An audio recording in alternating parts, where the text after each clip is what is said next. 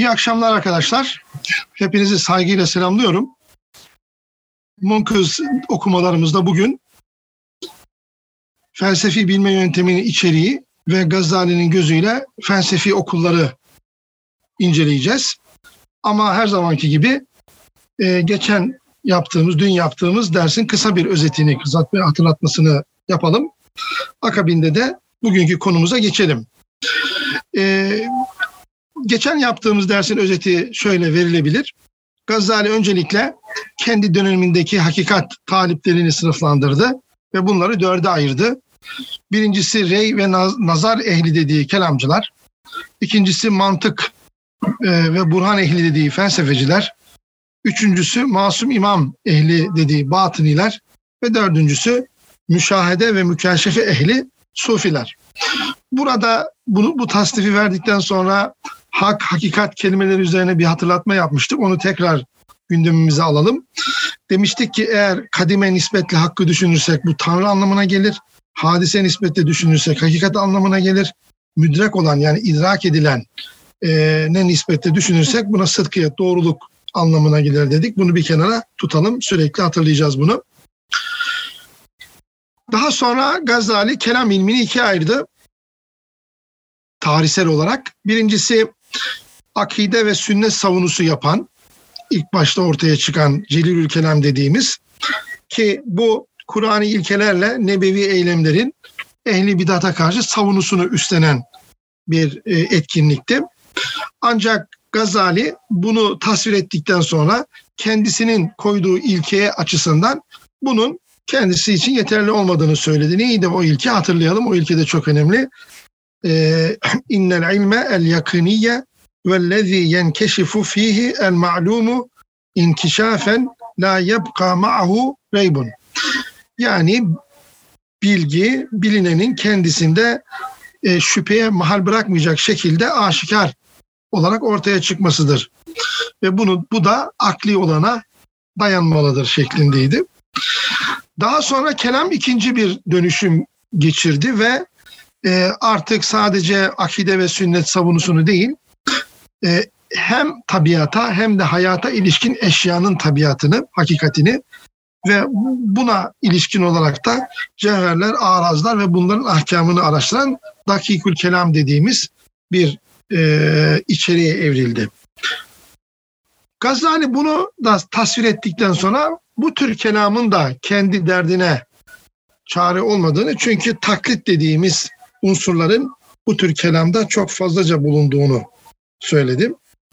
Kısaca e, şöyle bitirdi burayı.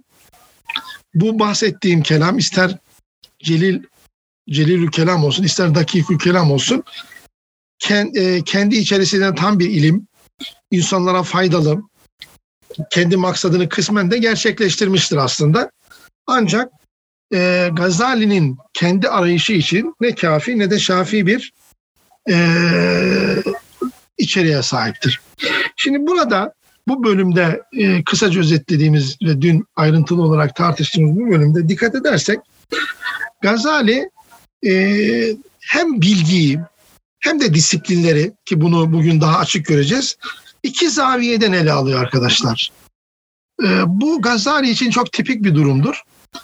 Yani bunu mesela İbn Sina takip ediyor mu, Razi takip ediyor mu buna bakmak lazım. Ama Gazali öyleyse özellikle Munkız bağlamında söylersek hem bilgiyi, kendinde bilgiyi hem de disiplinleri, e, çeşitli disiplinleri, matematik, astronomi, fizik neyse hangi alan olursa olsun çift yönlü incelediğini görüyoruz. Bir kamusal yönden, bir de şahsi yönden. Kamusal yönden e, kastımız şu, bu bilginin e, nesneleri neler, yöntemleri neler, ispatları neler, amaçları neler, faydaları neler, eğitim açısından ne anlam ifade ediyor, halka zararı var mı, faydası var mı, bu bilgiyi e, insanlara hangi hiyerarşiye göre öğreteceğiz gibi konular. Kendi şahsi zaviyesinden, şahsi açısından baktığı zaman ise meselesi artık o bilimin nesneleri, o bilimin yöntemi, o bilimin faydası zararı değil. Kendisinin varlığa tutunmasını sağlayacak, anlamlandırma yetisini güçlendirecek e, noktalara odaklanıyor. Buna e, çok ciddi bir şekilde dikkat etmemiz lazım.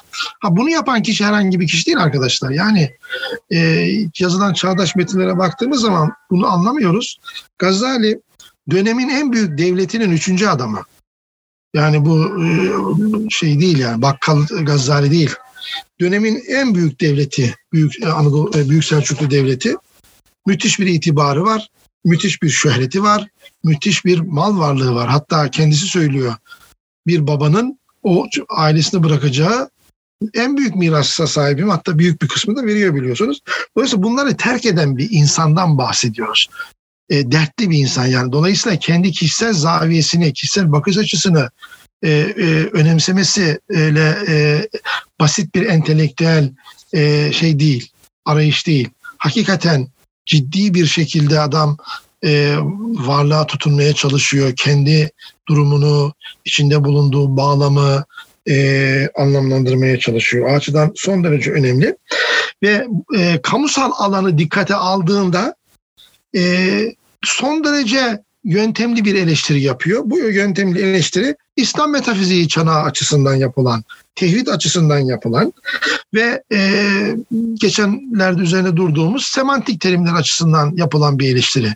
Burada yine keyfi, keyfi ya da kendi koyduğu, e, kendi şahsi perspektifinden yapmıyor. Mesela tasavvuftan yapmıyor. Kendi tercihi olan tasavvuftan hareket ederek eleştirmiyor kelamı felsefeyi. Tamamen İslam metafizik çanağı dediğimiz ve e, ve buna bağlı olarak gelişte semantik terimlerden hareket geliştiriyor.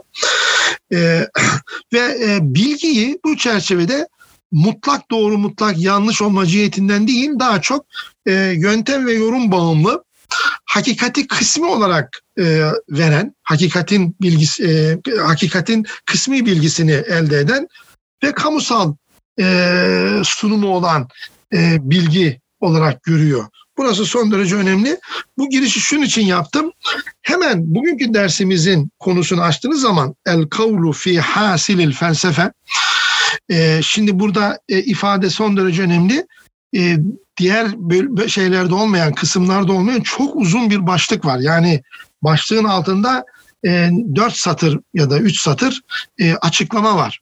Bu açıklamayı, bu maddeleri ben Gazali'nin süzgeci olarak adlandırıyorum bunun ne olduğunu göreceğiz. Bu kısım üzerine biraz duracağız. Gazali'nin süzgeci. Şimdi hasilül felsefe derken tabii felsefe üzerine konuşacağım. Felsefe bugünkü felsefe değil. Onun üzerine tartışacağız ama hasıl kelimesi de burada önemli. Şimdi burada Gazali'nin bahsettiği şey e, İslam'ın, Müslümanların e, miras aldığı tüm bilgileri içeriyor aslında. Ona her ne kadar kendisi A ya da B desin onu da biraz, onu da biraz kritik edeceğiz. Gazali niye böyle bir tabir kullanıyor? Ee, onu da konuşacağız ama insanlığın tecrübesi, hafızası, İslam medeniyetinin kendi dinamiklerinden zamanında ilk başta türememiş. İslam e, medeniyetinin, devletinin yayıldığı coğrafyada daha önceki kültürlerden tevarüs edilen ortak tecrübeye ve ortak hafızaya atıf yapıyor. Ve Gazali'nin e, bu süzgeci geliştirmesindeki temel amaç iki e, ifratı, ifrat ve tefriti e, ortasını bulmak. Buradaki orta matematiksel bir orta değil. Bir taraftan bu insanlığın ortak hafızasını tamamen dışlayanlar, bir, bir taraftan da tamamen e, bunu e, içselleştirmeye çalışanlar. Gazali bir ayıklama e, tek, teklif ediyor. Yani bu mirasın, bu insanlığın ortak tecrübesinin, hafızasının e, içerdiği yapının çok öyle yalın, sade, basit olmadığını, karmaşık olduğunu ve bu e, karmaşık yapının ayıklanarak e, tevarüs edilmesini ki bu proje bu e, ayıklama meselesi Gazali'nin bu süzgeci e, o kadar önemli ki uygulandıktan sonra gerçekten de Gazali'nin e, açtığı izlekte e, Müslümanlar kendilerinden önceki e, tüm felsefe neyse o, onun üzerine daha durmadık, felsefi mirası kolayca tevarüs edebiliyorlar. Ve burada Gazali'nin temel vurgusu ortak olan unsurların yani bu insanlığın hafızasında e, tecrübesinde ortak olan unsurların e, sanıldığından daha fazla olduğu. Dolayısıyla ayıklama yöntemi, süzgeç yöntemini uygulayarak e, bizim bu e, şeyle mirasla sağlıklı bir e, ilişki kurmamızın mümkün olduğunu söylüyor. Çünkü e, şunu hemen basit olarak söyleyelim. Felsefe dediğimiz şey üzerine konuşacağız ama e, bugünkü anladığımız anlamda bir felsefe değil biliyorsunuz. Tümel bir kavram ve unsurdan en temeldeki ontik birimden en yukarıdaki e, ilkeye e, ve arasındaki tüm durumlara ilişkin bir e, alem tasavvuru bu.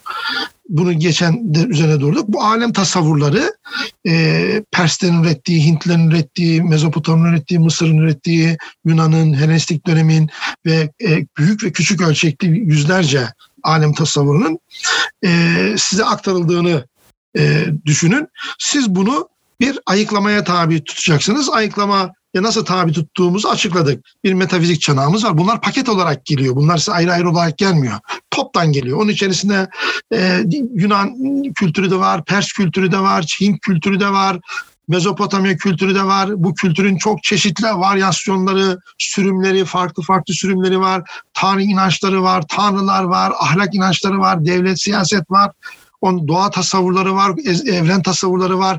Yani sadece 2-3 tane farklı pi sayısı var. Farklı astronomik parametreler var, farklı hesaplama biçimleri var. Yani bilim tarihi, düşünce tarihini bir bütün olarak göz önünde bulundurduğunuz zaman inanılmaz bir tırnak içerisinde çorba var.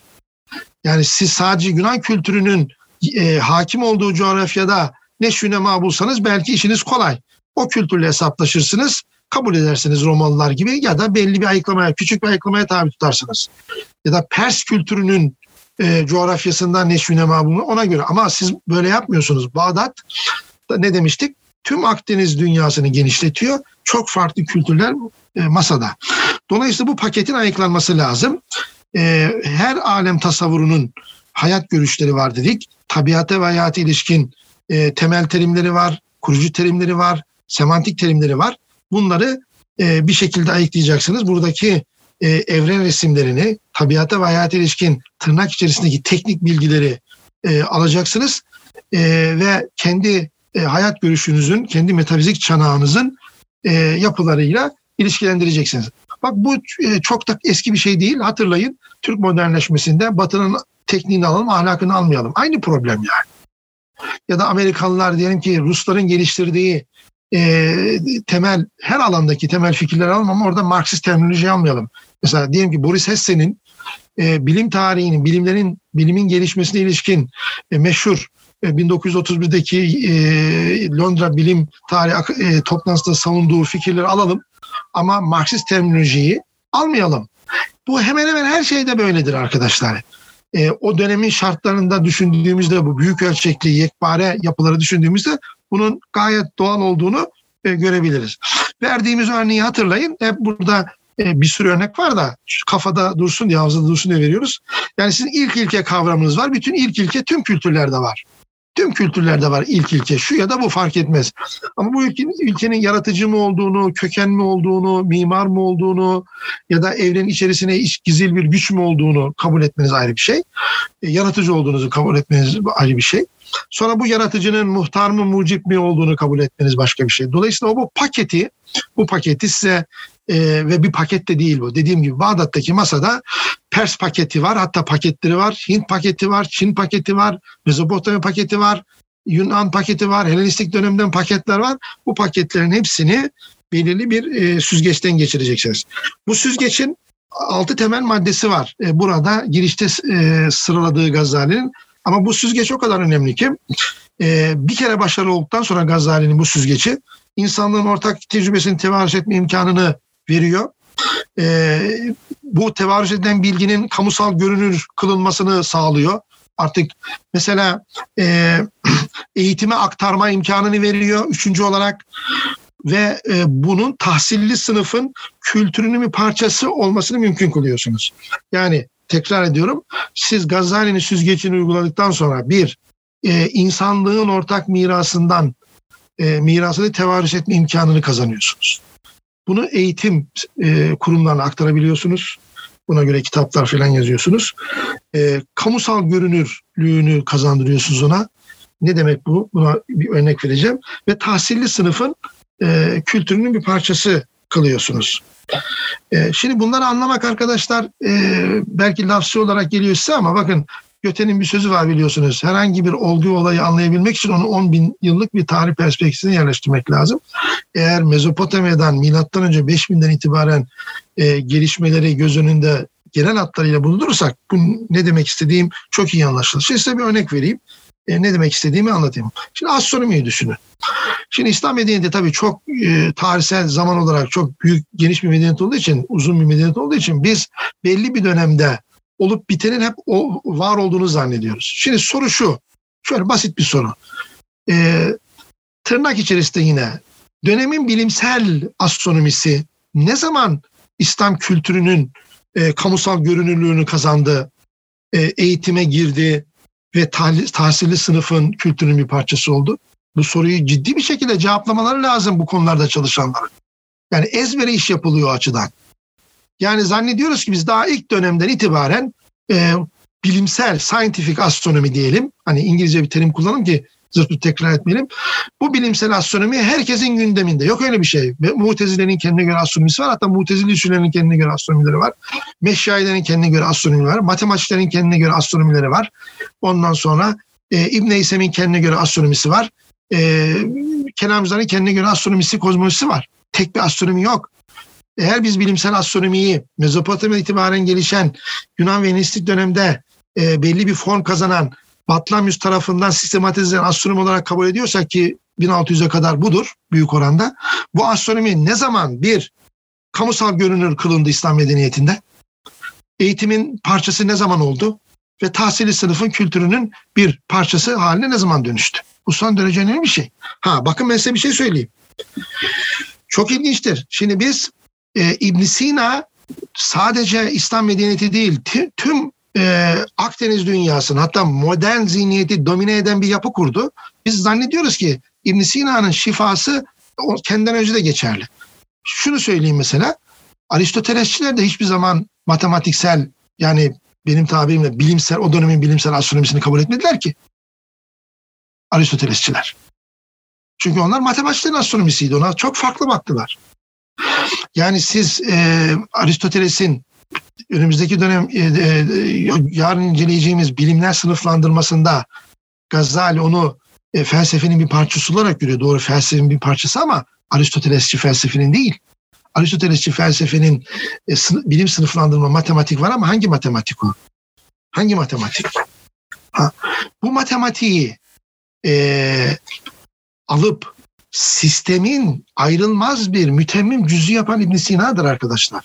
Çünkü İbn Sina'ya kadar gelen Farabi İbn Sina çizgisi e, yapılar ayrıdır. Yani matematikçilerin ayrı bir e, paradigması var.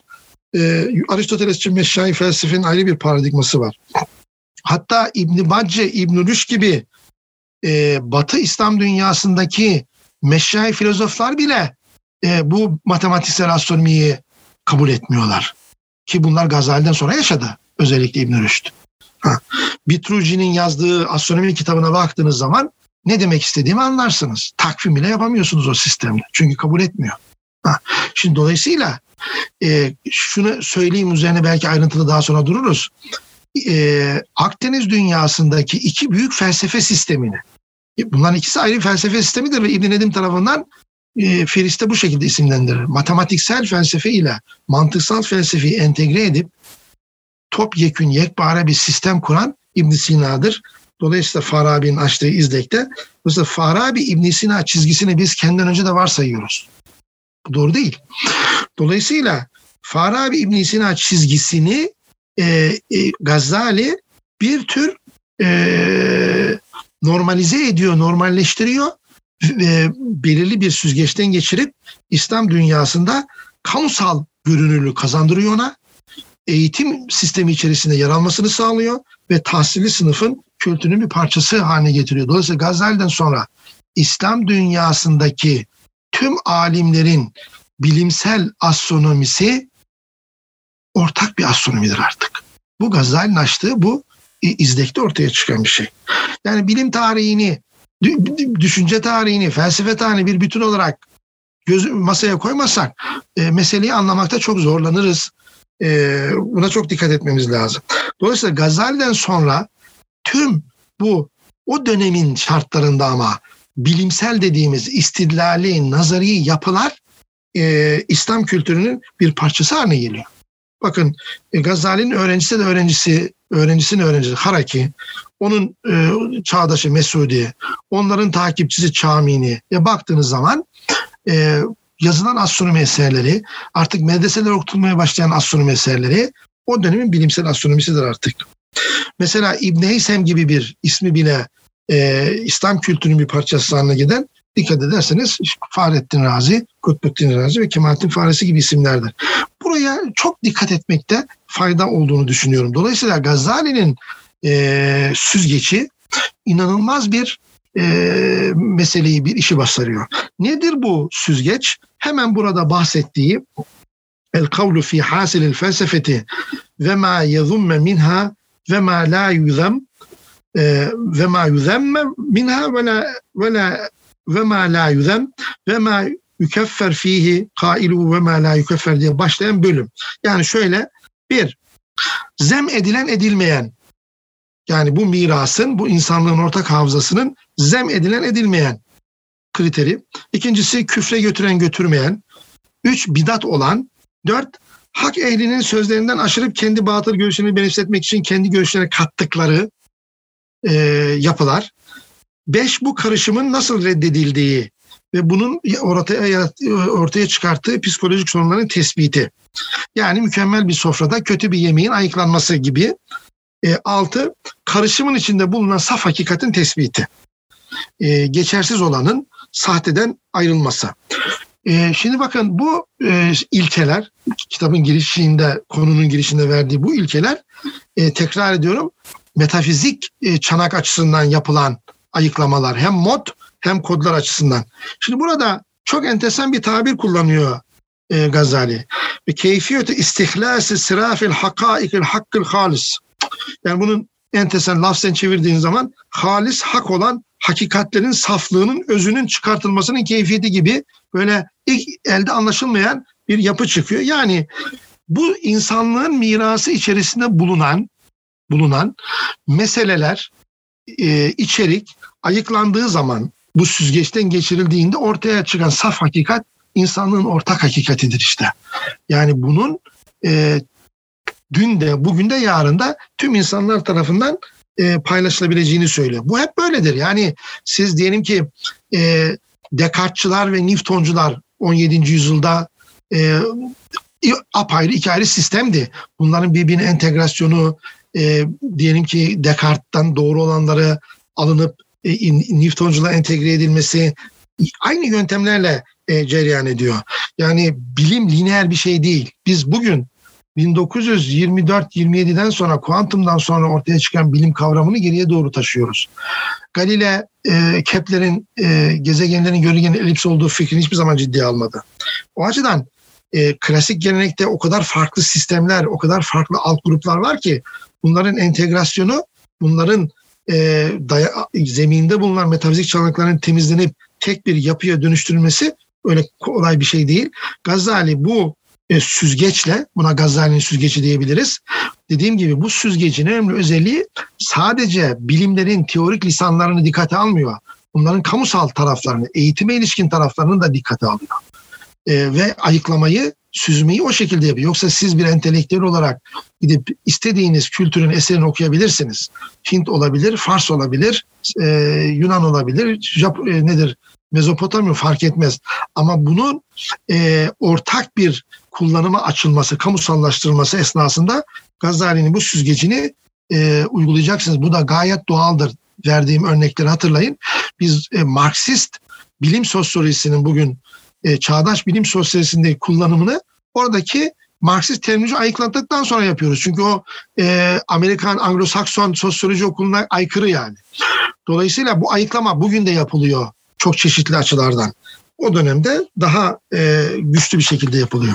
Şimdi Gazali bu süzgeci koyduktan sonra e, konuya giriş yapıyor. Bunu biraz uzun ama okumak lazım.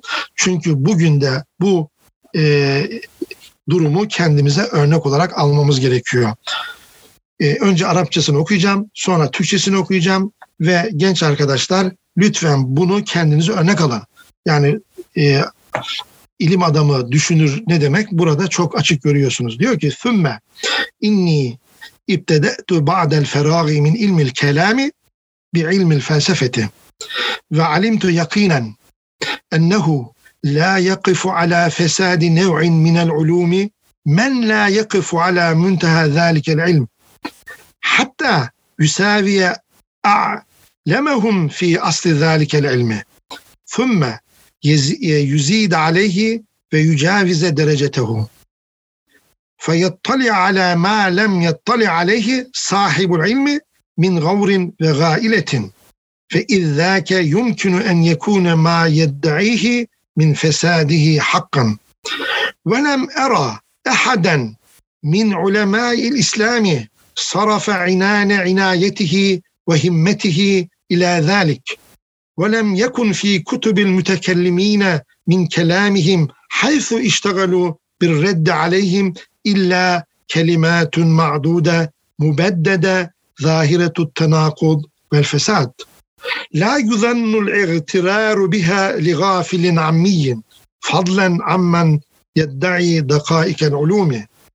فعلمت أن رد هذا المذهب قبل فهمه vel ittilai ala kunhihi fi amayetin. Müthiş bir yani bunu yazdırıp e, asabilirsiniz bir kenara. Ne diyor? Şunu diyor. Kelam ilmini bitirdikten sonra felsefeye başladım. Kesin olarak öğrendim ki bir ilmi son noktasına kadar kavramayan hatta o alanı o alanı en iyi bilenin düzeyine gelip sonra onun derecesini geçmeyen o ilimde otorite sayılanın farkına varmadığı derinlik ve tehlikeleri sezmeyen kimse o ilmin bozuk yönlerini, yanlış yönlerini fark edemez. İşte bu takdirde ancak bir şeyin yanlışlığı hususundaki iddianın doğruluğuna inanmak mümkün olur. Bu yanlıştır diyorsun. Hadi nasıl göstereceksin? İslam alimleri arasında bu tarzda emek ve çaba harcayan birini görmedim. Hasımlarının görüşlerini red ile uğraşırken kelamcıların kitaplarındaki ifadeler tamamen kapalı, dağınık, açıkça çelişik ve bozuktu. Bu ifadelerin ilimlerin inceliklerini bildiğini iddia edenler bir yana hiçbir şeyden habersiz cahili kandırması bile düşünülemez. Böylece öğrendim ki bir mezhebi, görüşü, fikri anlamadan ve bütün inceliklerine vakıf olmadan reddetmek karanlığa taş atmaktır. 20. bir yüzyıldaki Müslümanların büyük çoğunluğun durumu. Eleştiriyoruz. Batı düşüncesini eleştiriyoruz. Evrimi eleştiriyoruz. Kuantumu eleştiriyoruz. Onu eleştiriyoruz. Bunu eleştiriyoruz. Adam diyor ki Gazali sen neyle feminizmi mi eleştireceksin? Feminizmdeki en iyi olandan daha iyi olacaksın. Onun üstüne çıkacaksın. John Stuart Mill'in dediği gibi eleştirdiğini eleştirdiğini daha iyi bilmesen onu eleştiremezsin. Böyle bir şey arkadaşlar. Şimdi sahici bir adamla karşı karşı olduğumuzu anlıyoruz değil mi? Ve kendi çağdaşlarını çok acımasızca eleştiriyor bu konuda. Lanetlemek bilgi vermez. Tahkir etmek bilgi vermez. Oturup adam gibi çalışın diyor Gazali bunlara yani. Tamam Bu bölüm e, ben ilk okuduğumda da beni çarpan bir bölümdü. O açıdan buna e, e, biraz ayrıntılı olarak okuduk. Unutmayın lanet ne bilgi verir ne de umut verir arkadaşlar. Birini lanetlersin oradan ne bilgi çıkar ne de umut. Ümitsiz adam, önünü görmeyen adam o tür e, durumlara saplanır kalır. Evet. Sonra diyor ki ben bu durumu görünce oturdum dürüst bir şekilde kitaplardan felsefi ilimleri öğrendim. Daha önce elbette bir altyapısı var Cüveyni'den ve diğer hocalardan öğrenmiş. Sonra e, ki bunu yaparken de öyle hani e, tatile çıkayım 5-6 ay bunlar öyle değil. Nizamiye'deki görevlerim var diyor. Ben tedris yapıyorum. 300 öğrenciye ders veriyorum. Bu öğrenciler de yetişmiş öğrenciler.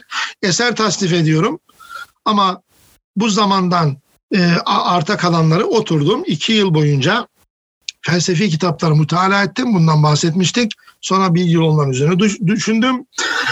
Ne hangi seviyeye gelince e, başladığım eleştirmeye yanlışlar ile doğruları ayırt edecek bir seviyeye e, ulaşıncaya ve buna ilişkin bir meleke kazanıncaya kadar e, devam ettim.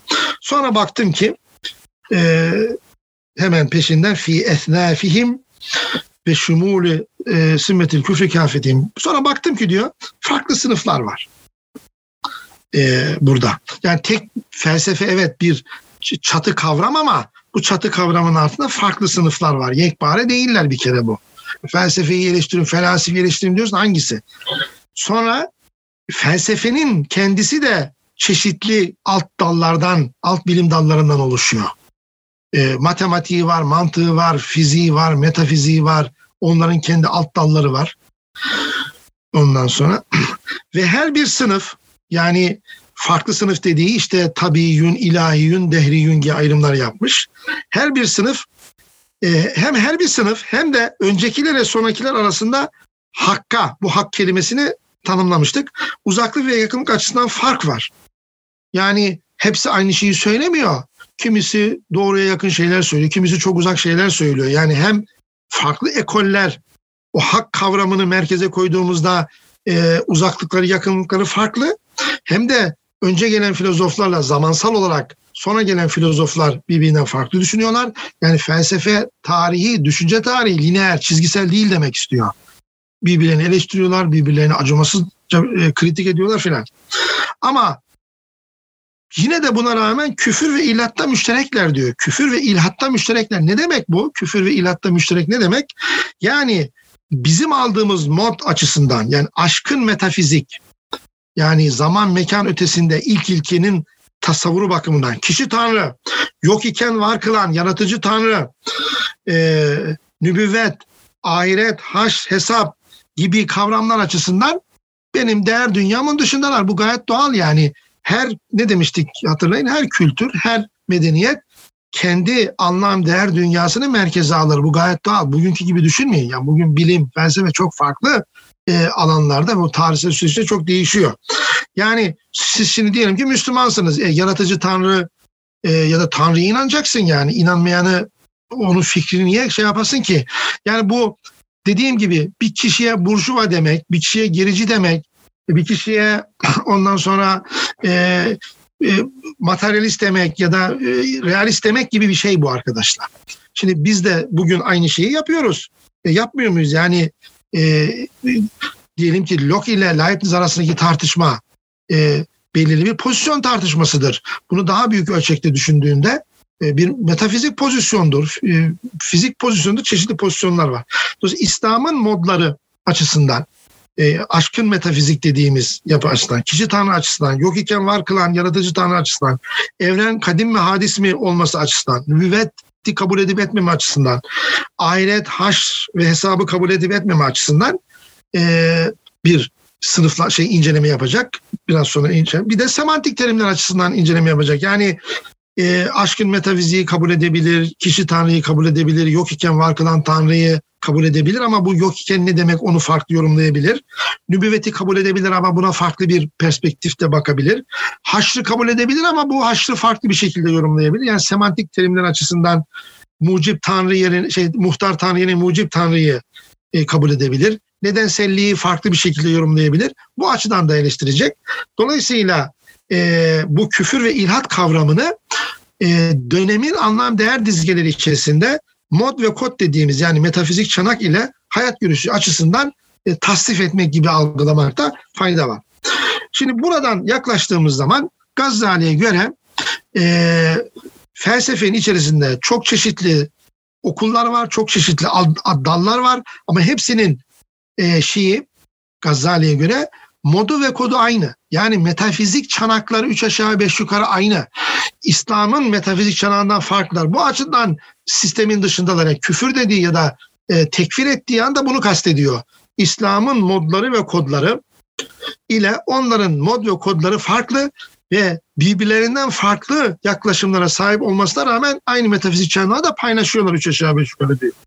Ama diyor ben diyor oturdum üç tane şey buldum. E, üçe ayırdım bunları. Bir, dehriyun, iki tabiyyun, üç ilahiyun. Bunu nereye göre yaptı, nasıl yaptı e, bunların üzerine tartışabiliriz. Bu doğru mu? Kendi bağlamına baktığımız zaman Gazali'nin acaba başka türlü tasnif edilebilir mi? O ayrı bir şey. Biz şimdi Munkuz etrafında konuşuyoruz çünkü. E, benim bazı itirazlarım var mesela. Ama e, Gazali'nin perspektifinden bakıyoruz şimdi. Burada Gazali'nin büyük oranda kendine örnek aldığı İbn Sina'cı felsefenin e, içeriği. O açıdan öyle bakıyor meseleye. Dehriyun dediği, dehr biliyorsunuz e, ezel ve ebed demek yani başı ve sonu olmayan zaman. En eski görüştür diyor. Bunlar aşkın ilkiyi reddediyorlar. Gayet doğal aşkın ilkiyi reddettiği zaman zaten seninle e, ortak zeminini kaybediyor. E, kişi Tanrı'yı reddediyorlar. E, sani e, olan Tanrı'yı yani sani ne demek sana e, eyleminin gayesini içinde taşımak demek. Yani sana dediğimiz zaman yaptı ama öyle bir yapmak ki bu e, gayesi var bunun. Dolayısıyla Allah evrenin saniyedir derken onu kastediyoruz. Dolayısıyla e, bir saniyeyi kabul etmiyorlar. Dolayısıyla evrenin bir gayesinin de yok onlar için. E, müdebbir bir e, Tanrı'yı da kabul etmiyorlar. E, bu da amaçlı düşünmek demek tedbir. Alim bir Tanrı, kadir bir Tanrı anlayışları yok. Dolayısıyla e, aşkın ilkiyi reddediyorlar. Bunlar için alem ezeli ve ebedi, yaratıcısız. E, bu şu demek yani şöyle düşünün. Müslüman bir kaplumbağa ele aldığında şu soruyu sorabilir. Bunun annesi babası ne? Bu nereden ortaya çıktı? Bu nereden ortaya çıktı? Bu nereden ortaya çıktı? En son bunu Tanrı yarattı dersin. Yani en azından evreni Tanrı yarattı dersin. Ama bu sistem kaplumbağayı varsayarak başlar. Kaplumbağanın da arkasında ne var, onu ne var kıldı diye bakmaz e, bu sistem. E, evreni verili kabul eder tabiri caizse. Evrenin içindekileri ve evrenin o haliyle çoğalmasını, e, gelişmesini inceler. Dehriyünden kastettiği bu. Dolayısıyla bunlar doğal olarak e, bir İslam anlam değer dünyası için yaşayan için e, elbette zındık olarak gözükecektir. Metafizik çanakları bakımında. Zaten Gazali'nin de yapmak istediği o. O metafizik çanakları e, iyi tayin edip o çanak üzerinde kurulan e, yapıları, sistemleri e, ayıklamak, süzmek. İşte kastettiğimiz bu zaten. İkincisi ise tabiiyyun. Şimdi tabiiyyun kelimesi üzerine biraz duracağız. Çünkü Gazali'nin tabiiyyun e, anlayışı biraz e, farklı. E, çünkü e, yani daha farklı düşünülebilir anlamında söylüyorum. Tabiat kelimesi, tabağa kelimesi de füzis kelimesinin e, Arapçası gibi düşünebilirsiniz. Şimdi füzis nedir? Biz şimdi bunu tabiatı doğa diye te- tercüme ediyoruz ama bugün kullandığımız doğa bilimleri, doğa yasalarındaki doğa kavramı tüm evrene şamil bir kavram. Bu dönemde doğa e, nesnelerin içine giren e, bir tür tırnak içinde güç demek. Logosun parçası yani. Tamam mı? Bu içkin metafiziğe bağlı bir sistem olduğu için evrendeki her şeyin içerisine giriyor bu. Onun için e, evrenin e, tırnak içerisinde maddesi bakımından pasiftir. Bu hareketi veren, evrendeki her neşe yapıya hareketi veren e, logosun o nesneye giren tarafı. Bu giren tarafa füzis deniliyor. Bunun canlılar tarafına püsühe deniliyor. Aynı kökten geliyor. Cansızlara giren tarafına taşa, toprağa, minerallere füzis hareketin ve sükunetin ilkesi olması bakımından e, bitkiler, hayvanlar, insan ve felekler gibi e, yapılara giren taraf da nefs diyor. Püsühe, nefs. Çünkü hareketin kaynağını bir şekilde açıklamakları lazım. E, nedir bu? Do- dolayısıyla burada esas şey e, tabiat dendiğinde kastedilen bu. Yani burada hareketi e, hareketin kaynağını açıklamak zorundasınız. Hareket merkezli bir düşünce aslında tabii yön. ibn Sina bunu şifada e, Aristoteles hariç tüm filozofları ikiye ayırıyor. Tabiyyun ve ilahiyyun. Hareketi merkeze alan, hareket e, metafiziği yapan, metafiziğe hareket üzerinden giden ne demek bu? Hareket etmeyin ilk hareket ettirici kavramı değil mi? E, bu kavram üzerine giderek tabiyyun diyor.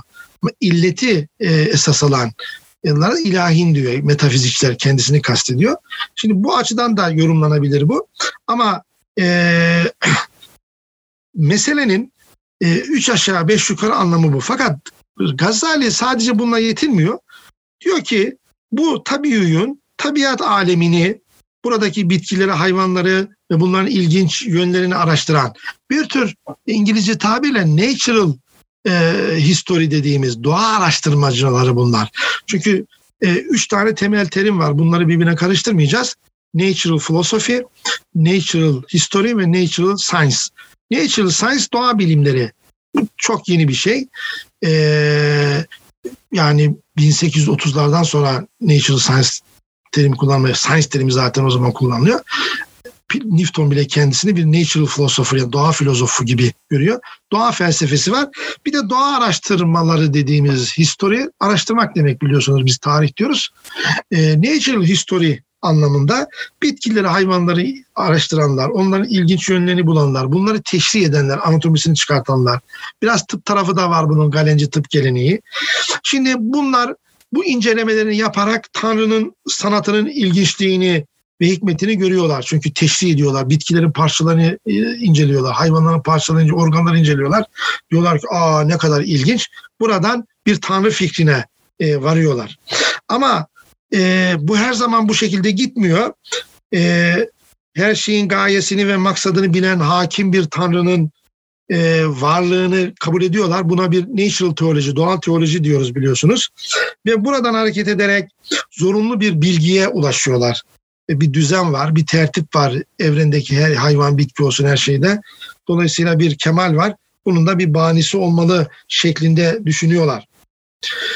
Ee, 61'de oku, şey yaparsan Es-sınıfı thani et-tabi'iyun ve hum kavmun ekseru bahsahum an alemi tabi'a طبيعة عالمه وعن عجائب الحيوان والنبات وأكثر الخوض في علم التشريح أعداء الحيوانات. علم التشريح أناتومي فراء فيها من عجائب سن الله تعالى وبداء حكمته واضطر معه إلى الاعتراف بفاتر حكيم آه، مطلع على غايات الأمور ومقاصدها.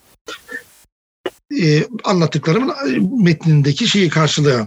Fakat bu süreç içerisinde e, bu konuda çalışanlar e, Tanrı ile irtibatlarını koparıp olup bitenin e, karışımlar, mizaçlardan ortaya çıktığını, doğrudan oradaki aktif gücün, fail gücün e, Tanrı değil, mizacın e, potansiyellerinden kaynaklandığını söylüyor. Mesela insan e, akleden bir varlık ama bu akıl nereden geliyor? İnsanın mizacından geliyor. Çünkü bir karışım ortaya çıkıyor evrende. Bu karışım belli bir itidal, bir denge durumuna gelince bir fonksiyon. İşte bu içsel metafizik. İçeride bir logos var çünkü.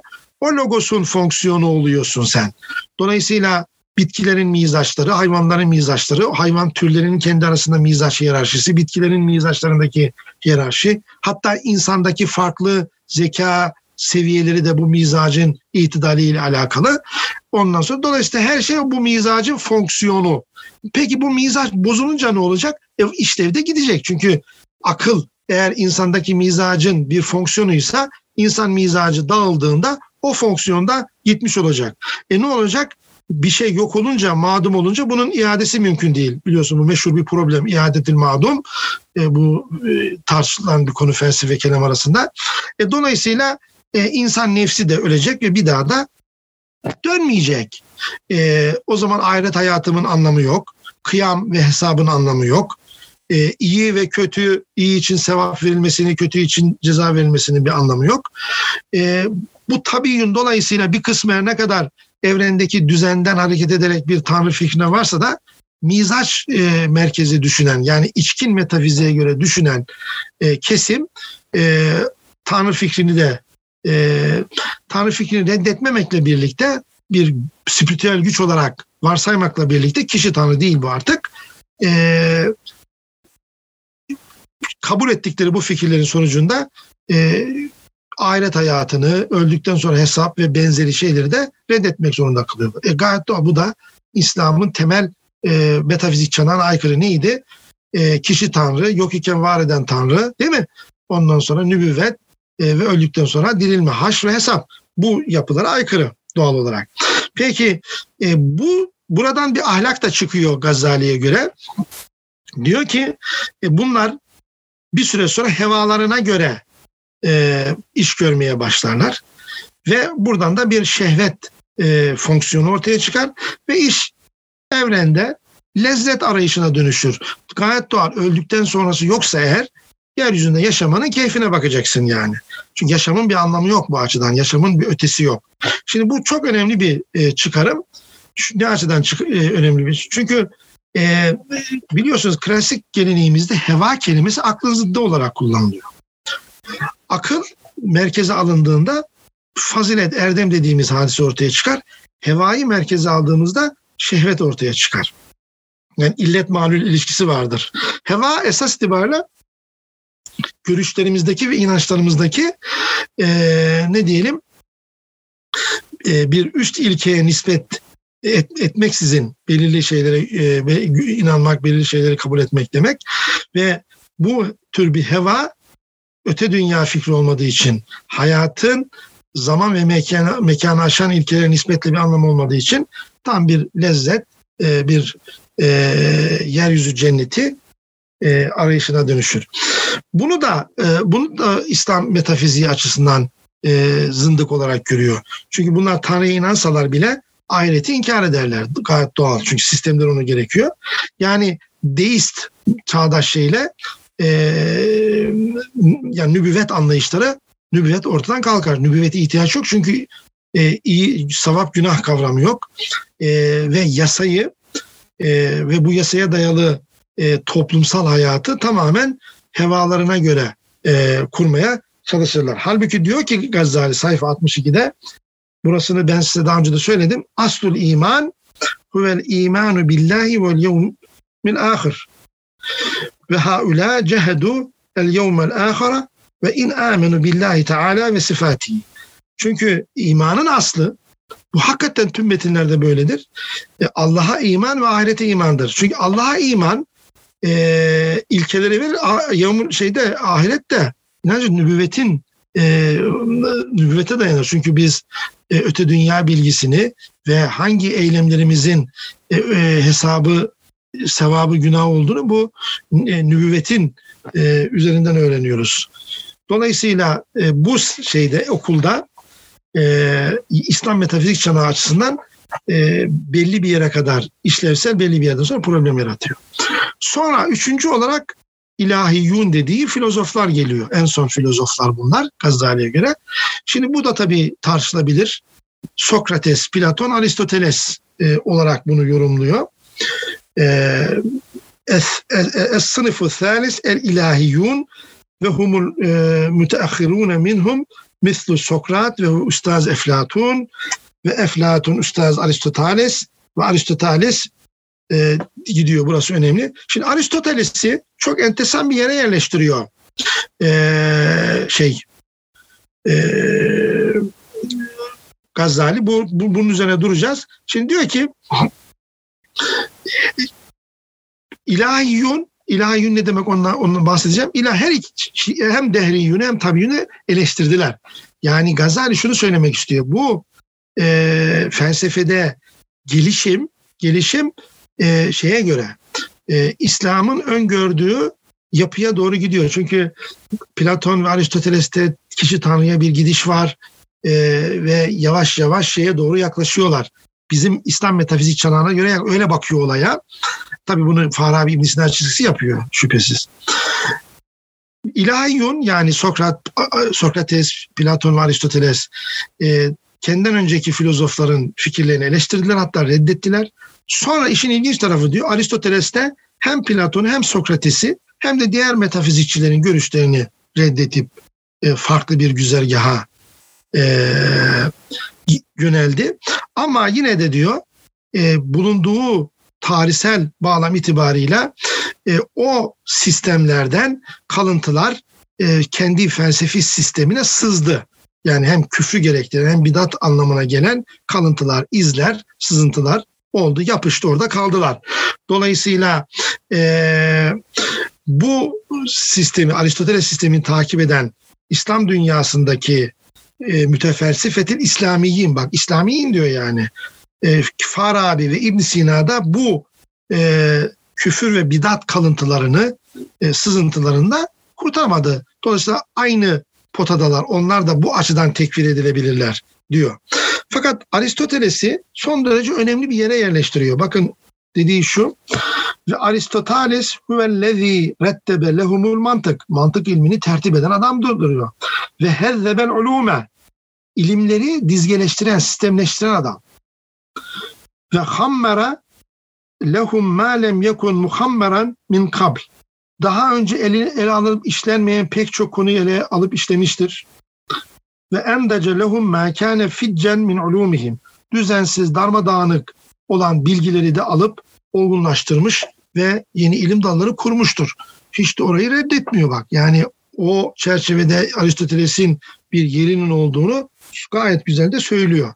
Ama eleştirdiğine en nihayetinde bu da kendi tarihsel bağlamında belirli bir anlam değer dizgesi, belirli bir metafizik çanak içerisinde iş görüyor. Dolayısıyla e, o e, içkin metafiziğin problematiğini en azından e, semantik terimler düzeyinde e, yaşıyorlar. Dolayısıyla biz o konuda ortak değiliz. Ortak bakmıyoruz meselelere. E, kurucu ve e, temel terimler düzeyinde üç aşağı beş yukarı aynı şekilde düşünsek de. Tabii burada e, yarın da üzerine duracağız ama her ne kadar Aristoteles diyorsa da e, şey e, Gazali tabii o Aristoteles'in asıl eserlerini ne kadar okuduğu felsefe tarihine ne kadar hakim bu tartışılabilir. İbn Sinacılık aslında bu. Yani e, oraya nispet ettiği yarınki göreceğimiz o bilimler çok rahat bir şekilde Aristoteles felsefe sistemine Aristoteles felsefesi dediğimiz o sisteme nispet edilecek şeyler değil. Niye edilecek şeyler değil? Aristoteles milattan önce 322'de öldü arkadaşlar. Değil mi? Şimdi bizim hem e, Helenistik dönemde hem de ibn Sina'nın kullandığı ve Gazali'nin de muhatap olduğu mesela matematik bilimlere baktığımız zaman matematik bilimleri e, kendisinden devşirdiğimiz e, matematikçi filozoflara baktığımız zaman Oklides milattan önce 321, Archimedes milattan önce 287 neredeyse 100 yıldan farklı var aralarında Aristoteles'le. Apollonius milattan önce 262, Hipparchus milattan önce 190. Uu. E, Heron milattan sonra 70. Nikamakos milattan sonra 120. Menelaus milattan sonra 140 ve bizim meşhur Batlamyus Ptolemy milattan sonra 170. Yani neredeyse e, 200 yıl sonra. Şey ne 200 yılı? 400 e, 400 450 yıl sonra. Yani şimdi siz düşünün bakayım daha Tanzimat dönemindeki eserleri okuyamıyoruz biz. Değil mi? Diafontos milattan sonra 298, Plotinus milattan sonra 270, Galen milattan sonra 216. O açıdan e, o süreci atladığınız zaman dedim ya e, biz e, iki boyutlu düşünüyoruz tarihi. Üç boyutlu düşünmemiz lazım. Onu atladığımız zaman bu süreçleri görmüyoruz ve sanki e, bir e, hep birlikte hep beraber e, imişler gibi muamele ediyoruz. Halbuki ne İbn Sina'nın ne Gazali'nin muhatap olduğu e, bilgiler, bilimler, bilim dalları e, Aristoteles'in bildiği şeyler değil.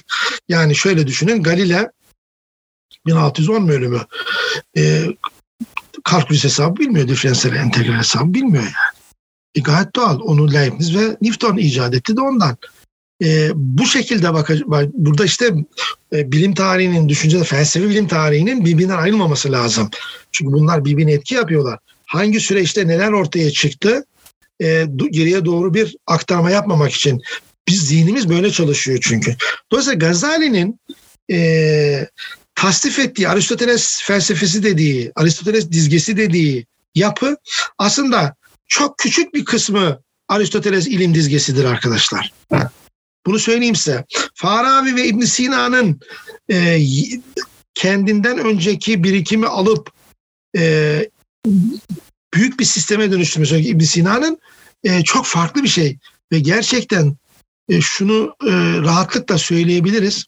Akdeniz dünyasında milattan önce 5000'den itibaren 5000 demeyelim yazıdan başlayayım 3000'lerden itibaren başlayıp gelişen matematiksel felsefeyle mantıksal felsefeyi entegre eden ilk isim İbn Sina'dır. Yani İbn Rüşd'e bile matematik herhangi bir bilgi bulamazsınız siz. Matematik kavramlar üzerine konuşur.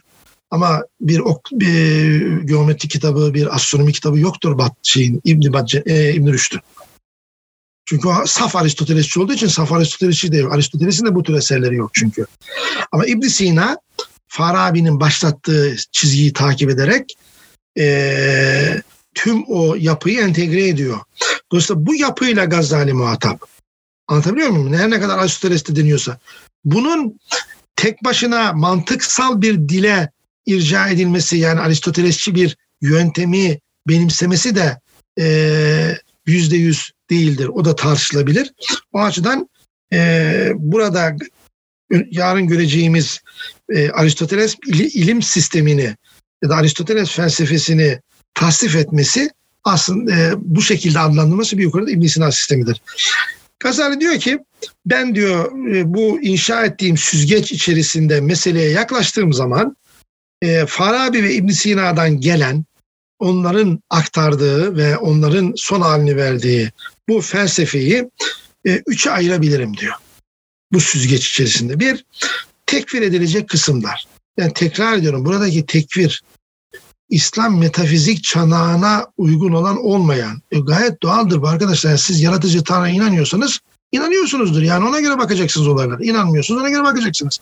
Bu her zaman bu böyledir. Bir daha sayılacak olanlar ve ilkece karşı çıkılması gerekmeyen kısımlar. Yani bir ayıklama yapıyor demek istediğim. E, paketi önüne koyuyor. Bu alem tasavvurudur. Bu alem tasavvurundaki o gelen paketin geldiği kültürdeki e, anlam değer dizgelerini ayıklamaya çalışıyor. Öyle kolay bir iş değil bu. Ve bu ayıklamanın neticesinde e, geriye kalan teknik bilgiyi ki göreceğiz nasıl oradan bahsettiğini hiçbir zaman sorun yaşamadan e, kendi İslam metafizik çanağının içerisinde aktarıyor. Kendisi bunu tek başına yapamıyor tabii. Yapmıyor. Yapamaz da zaten. Ama yöntemini kuruyor. Kendisinden sonra bu e, büyük oranda takip edilecektir. Zaten bu süzgeç işletildiği için bu gelen paketler e, ayıklandığı için süzüldüğü için e, biraz önce söylediğim e, insanlığın ortak mirası ve tecrübesi daha sonra İslam dünyasında bir e, kamusal görünürlüğe kavuşuyor. İki, eğitime aktarılıyor. Üç, e, tahsilli sınıfın e, kültürü haline geliyor ve özellikle e, 1150'den sonra e, Türkistan, İran, e, Anadolu ve Balkan hattında Kuzey Irak ve Suriye buna dahil bir tahsilli sınıf bilgi toplumu ortaya çıkıyor. Bu Gazali'nin e, süzgecinin ne kadar işlevsel olduğunu göstermesi açısından önemlidir diyelim ve dersi burada bitirip sorulara geçelim. Sorular konumuzla alakalı olsun lütfen. E, felsefe tarihi, düşünce tarihi, bilim tarihi ya da siyasi hele hele gazete şeyleri hiç olmasın arkadaşlar. Evet. Gazali bir yönden kelamı yetersiz buluyor ancak filozofa yönelttiği eleştiride sanki kelamın metafizik çanağının hareket ediyor görünüyor. İşte arkadaşlar metafizik çanak başka. Bu metafizik çanaktan hareket ederek geliştirdiğiniz kozmoloji, astronomi, yöntem başka bir şey. Gazali'nin e, kelami metafizikle ya da İslam metafiziğiyle bir sorunu yok. Kelamcıların mesela diyelim ki kelamcıların rey ve nazar görüşünün çok dakik olmadığının farkında. Orada kullanılan yöntemlerin akıl yürütme biçimlerinin çok yeterli olmadığını farkında. Onun için mantığı diyor ki bu mantık e, ortak bir insan aklının ortak bir yapısıdır. Bunu alıp kullanabiliriz. Yani nereden gelirse gelsin o e, içindeki mesela beş tümelden kaynaklanan ya da kategorilerden kaynaklanan metafizik e, etkileri temizledikten sonra onun için Gazali'nin mantık kitabı çevrildiği zaman Latince'ye biliyorsunuz Raymond Lull tarafından Nova Logika adını alıyor. Yeni mantık. Bu çok enteresan. Nova kelimesinin e, ilk kullanıldığı yerlerden biridir. 1200'lerin sonu. Raymond Lull çok önemli bir adam. E, gaz şeyin Descartes'in ve Leibniz'in bahsettiği bir tür evrensel dil araştırması e, yapan bir adam. Niçin evrensel dil fikrine nereden varıyor? İşte Gazali'nin mantığın insan zihninin, insan aklının ortak formel bir dili olarak görmesinden. Ama bunu yaparken Gazali İbn Sinacı e, metafizik yükleri e, temizlemeye çalışıyor şüphesiz. Öyle kolay da değildir sabah akşam olmuyor bu. O açıdan kelamın metafizik çanağı zaten Gazali'nde iş gördüğü metafizik çanak. İbn-i Teymiye Gazali ilahiyat konusunda Farabi misal eşlisinde sonuna kadar haklı bulur. Fakat metafizik gibi mahiyette taşıyan açısız mantığına Evet bu önemli bir soru. Ee, arkadaşa teşekkür ediyorum. Ee, biz bunu e, işte nedir Ömer Hoca, e, Ömer Türker Hoca, İbrahim Halüçer Hoca, Eşref Hoca, Cüneyt Kaya Hoca, ondan sonra Mehmet Öztürk, Harun Kuş yani bizim beraber e, çalıştığımız arkadaşlarla çok tartışıyoruz bunu. Yani e, evet Gazali e, mantığı e, belirli bir ayıklamadan, belirli bir süzmeden sonra merkeze aldı ama bu e, nasıl bir sonuca yol açtı? Bu çok önemli bir soru. İşte mesela e, İbn Sina'cı terminoloji kullanarak kelami ilkeleri nasıl devam ettirdiler? Bunlar çalışmamız gereken önemli şeyler. Biliyorsunuz İbn Teymiye'nin bu konuda e, bir tane kitabı var. Erred Alel Mantıkiyin gibi. Şimdi e, bu yanlış mı doğru mu? Nereye kadar yanlış, nereye kadar doğru? Daha farklı bir şey yapabilir miydi? Tabii tarih böyle okunmaz ama bu soruları varsayımsal olarak sorabiliriz. Mesela e, önümüzdeki yarın üzerine duracağımız Gazali'nin matematik bilimlere verdiği önem ve değer e, de eleştirilebilir. E, matematikten ne anladığı ne anlamadığı da eleştirilebilir. E, acaba Gazali deseydi ki e, bilginin dili, evrene ilişkin bilginin matematik olmalı bu karşılık bulabilir miydi? Yani bir de şöyle bakın arkadaşlar oluyor. Çağın ruhu diye bir şey var. O çağın ruhu siz istediğiniz kadar e, yeni şey söyleyin kendini eritiyor. E, bu sadece klasik dönem için modern dönemde de böyle yani Einstein'ın fikirleri kolay kabul görmüyor tüm gelişmelere rağmen. E, bir de tabii şöyle bir şey var. Metafizik bir iddia e, vizibilitesi yapıldıktan sonra ancak kabul görebilir arkadaşlar. Yani onun bir uygulamasını yapacaksınız. Verdiğimiz örnek burada atomculuk anlayışları. İster Demokritos atomculuğu olsun, ister kelamcı atomculuk olsun, ister Newton atomculuğu olsun. Lavoisier kimyası kuruluncaya kadar işlevsel bir tarafı yok. Felsefi, metafizik, spekülatif bir şey olarak kalıyor arkadaşlar. Yani kelamcılar atomcuyu da diyoruz ama bu bizim buradan harekette bir fizik yapılmıyor hiç kolay değil çünkü yani. Enstrümanlarınız yeterli değil. O açıdan arkadaşımız sorusu son derece önemli bir şey. Son derece önemli. E,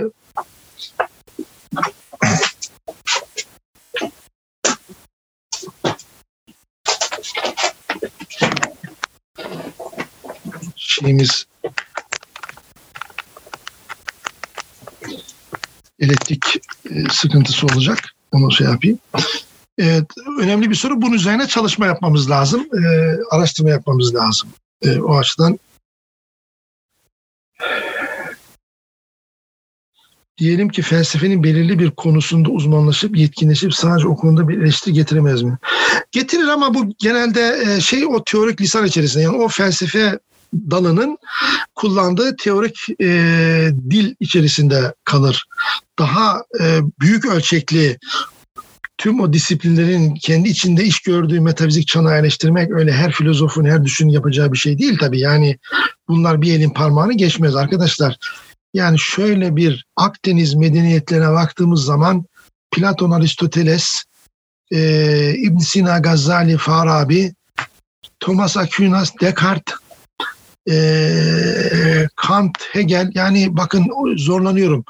E, öyle kolay değil. E, büyük ölçekli bakış e, geliştirmek e, öyle kolay bir iş değil. Yapılır fakat bu sadece o alanın kendi teorik dili içerisinde yapılır. Tek ilimde ihtisas yapmakla iki ilimde ihtisas yapmaktan daha faydalı geçirdiğindir. Şimdi arkadaşlar bu ihtisas meselesi, uzmanlık meselesi çok e, yanlış anlaşılıyor. Her dönemde uzman vardı. Bakın e, ben Mezopotamya bilim tarihi de çalıştım, Mısır'da çalıştım. Orada da uzmanlar var. Ya uzman olmadan olur mu? Şimdi biz meseleyi biraz büyük düşünürler üzerinden okuduğumuz için zannediyoruz ki tarihteki her düşünür Gazali, her düşünür Aristoteles, her düşünür Kant, her düşünür Descartes. Öyle değil. uzmanlar olmaz olur mu? Yani ibn Sina'nın zamanında yaşamış binlerce bilim adamı var. Bunların kimisi aritmetikçi, kimisi cebirci, kimisi astronom, kimisi e, felsefe, mantıkçı filan. Şimdi uzmanlar her zaman var. Yalnız kültürlerde e, bu tür kuşatıcı e, büyük ölçekte düşünen filozoflar da var. Problem o. Onun olması lazım. E, bugün o olur mu olmaz mı ayrı bir konu ama dolayısıyla uzmanlık meselesini bu kadar şey görmeyin. Çağımızda has bir şeymiş gibi zannediyoruz.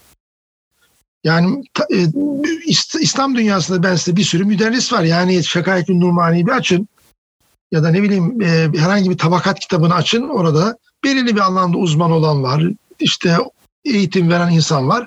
Ama bir de çağının pek çok ilmini kuşatan adam var. E onlar zaten büyük isimler. Biz onlar üzerinden felsefe, düşünce tarihi okuduğumuz için e, uzmanlığı biraz sıkıntılı zaten. Öyle değil ama. E, Gazali felsefecilerin ahlaki, buna geleceğiz. Buna henüz daha gelmedik. Bu da güzel bir soru. Bunu da tartışacağız. Ama burada ilahiyün meselesini, e, tabirini şeyden aldığını biliyoruz. Yani İbn Sina'dan. Tabii onu, onu o şekilde tanımlamıyor Gazali ama ilahiyün e, hareket metafiziği değil de illet metafiziği diyebileceğimiz bir çerçevede e, yola çıkıyor. Yani tabii bu ta, İslam'ı yaratma kavramı, yaratıcı tanrı kavramıyla da alakalı varlık veren bir e, ilke bulmak. Yani ilk ilke varlık veren bir ilkedir. Hareket veren bir ilke değildir. Çünkü klasik Aristotelesçilikte hareket etmeyen ilk hareket edici hareket veren bir ilke. Varlık vermiyor. Ama ne demiştik? İbn Sina Tanrı'ya inanıyor, yaratıcı Tanrı'ya inanıyor. Ama bunu semantik yorumunu farklı yapıyor. Diyor ki e, Tanrı mahiyete varlık verir. Varlık elbisesi giydirir. Ama arkadaşımız sorduğu soru yarınki dersimizin konusu. Tamam. Şimdi başka soru var mı? Arkadaşlar var mı başka soru? Ee, anladığım kadarıyla evet. Ee, bir tane daha geldi galiba. Çok güzel sorular. Teşekkür ediyorum yine bu akşam da hakikaten güzel sorular geldi. Ee, arkadaşlara teşekkür ediyorum. Ee, yarın e, e, Aksamur, Aksamur Ulum yani felsefenin e, o dönemdeki Gazali'nin Aristoteles e, felsefesi ya da dizgesi dediği e, sistemin içeriğine gireceğiz e, ve onun üzerine konuşacağız. Hepinize iyi akşam, e, iyi, hayırlı sahurlar diliyorum. Allah'a emanet olun.